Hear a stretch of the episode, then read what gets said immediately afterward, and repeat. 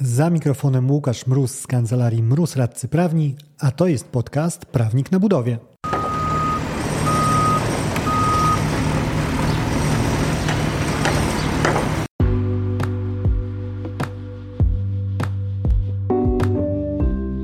Prawnik na budowie. Podcast o wszystkim, co związane z budownictwem.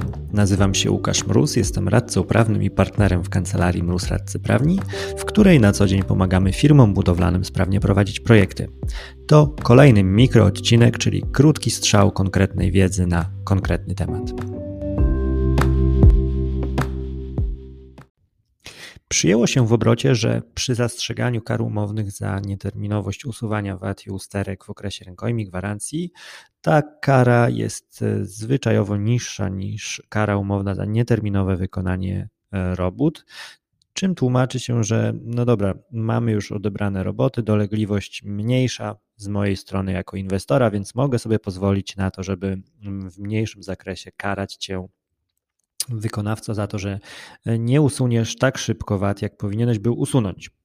E, czy to jednak działa, czy to dobre rozwiązanie? E, według mnie zupełnie nie i to nie tylko według mnie. E, temat wyszedł na jednym z prowadzonych przeze mnie webinarów dotyczących akurat kary umownej za nieterminowe wykonanie robót, ale w pytaniach na tym webinarze akurat Sebastian postawił takie pytanie dotyczące właśnie kar dotyczących usuwania VAT. I może nawet przeczytam to, co napisał Sebastian.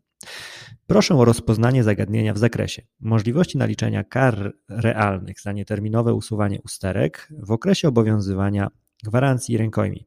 Na dzień dzisiejszy kary liczone są od całości kwoty umownej, czyli za całość zadania, gdy w rzeczywistości usterka obejmuje zakres prac związany z nieporównywalną w stosunku do kwoty umownej małą kwotą.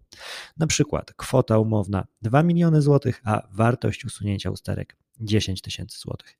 I to jest właśnie przykład, który pokazuje doskonale, gdzie jest ryzyko tego rozwiązania i gdzie mm, pokazane jest dobitnie, jak zupełnie nie jest adekwatnym, nawet przyjęcie, powiedzmy przy założeniu, że mamy karę umowną za nieterminowe wykonanie robót w wysokości 0,5% wynagrodzenia dziennie, a o połowę niższą, czyli 0,25 za usuwanie VAT. I w takim przypadku jak ten, kiedy e, im większa jest dysproporcja między wartością całego budżetu kontraktu, a, a samą e, usterką E, samymi robotami, nawet którymi, e, które dotknięte są tą usterką, tym bardziej jaskrawe, tym bardziej widoczny jest ten e, przestrzał i tym bardziej widać, że samo ograniczenie, nawet więcej niż o połowę w relacji do kary umownej za nieterminowe wykonanie robót, nie jest wcale rozwiązaniem jakimś sensownym, które, które powoduje, że problem znika.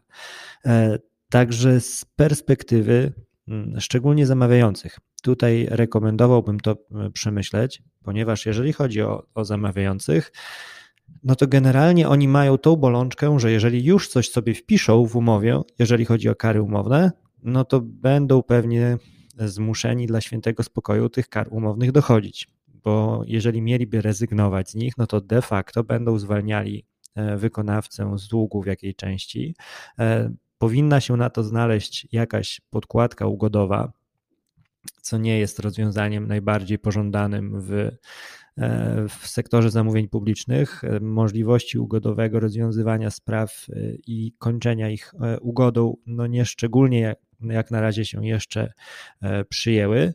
W związku z tym no, stajecie Państwo jako zamawiający w sytuacji, gdzie widzicie, że kara jest no, przestrzelona kosmicznie, tak jak chociażby w tym przykładzie, który przytoczył Sebastian, czyli macie jakiś tam kontrakt niewielki za 2 miliony złotych, a element wadliwy to jest kwestia 10 tysięcy, zdajecie sobie sprawę, że nie ma szans, żeby kara ta matematycznie obliczona w wysokości zgodnie z umową utrzymała się w sądzie, jeżeli wykonawca będzie chciał jej miarkowania, a pójść po to do sądu tylko, żeby przegrać, to też nie jest najrozsądniejsze działanie i nie jest to sensowny sposób wydawania pieniędzy, bo mimo, że sprawa zostanie wygrana, to przy znacznym zmiarkowaniu takiej kwoty może się okazać, że e, koszty postępowania de facto będzie ponosił e, zamawiający. Czyli same minusy. E, dlatego też nie jest tak, że każde rozwiązanie, które jest restrykcyjne bardziej e, dla wykonawcy, jest jednocześnie rozwiązaniem, które zamawiający powinien traktować jako korzystne dla niego.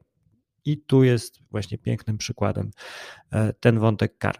Także rekomendacja na koniec tego odcinka, jeżeli już szukamy i słusznie jakiejś racjonalności, jakiegoś wyważenia takiej kary, to idźmy bardziej w kierunku powiązania podstawy naliczania z E, ze skalą wadliwości, z tym, co e, rzeczywiście jest nie w porządku, a nie przez same obniżenie stawki, e, bo tutaj i tak, szczerze mówiąc, nie doprowadzimy nigdy do tego, żeby na samym obniżeniu stawki złapać adekwatność. Tyle, jeżeli chodzi o ten problem. Zachęcam do subskrypcji podcastu, żeby nie umknął Wam chociażby każdy taki codzienny mikropodcast. A jeżeli chcielibyście się skontaktować ze mną, to dostępny jestem chociażby pod adresem mailowym mrozmałpa.kancelariamroz.pl albo w mediach społecznościowych na LinkedIn jako Łukasz Mróz, a na Facebooku i na Instagramie jako Prawnik na Budowie. Dzięki za odsłuchanie odcinka. Do usłyszenia w kolejnym. Dzięki za odsłuchanie tego odcinka. Jeżeli chcesz się ze mną skontaktować, możesz napisać na biuro małpa kancelariamroz.pl albo zadzwonić na 577 665 077. Znajdziesz mnie też w mediach społecznościowych. Na LinkedIn jako Łukasz Mróz, a na TikToku, Facebooku i Instagramie jako Prawnik na Budowie.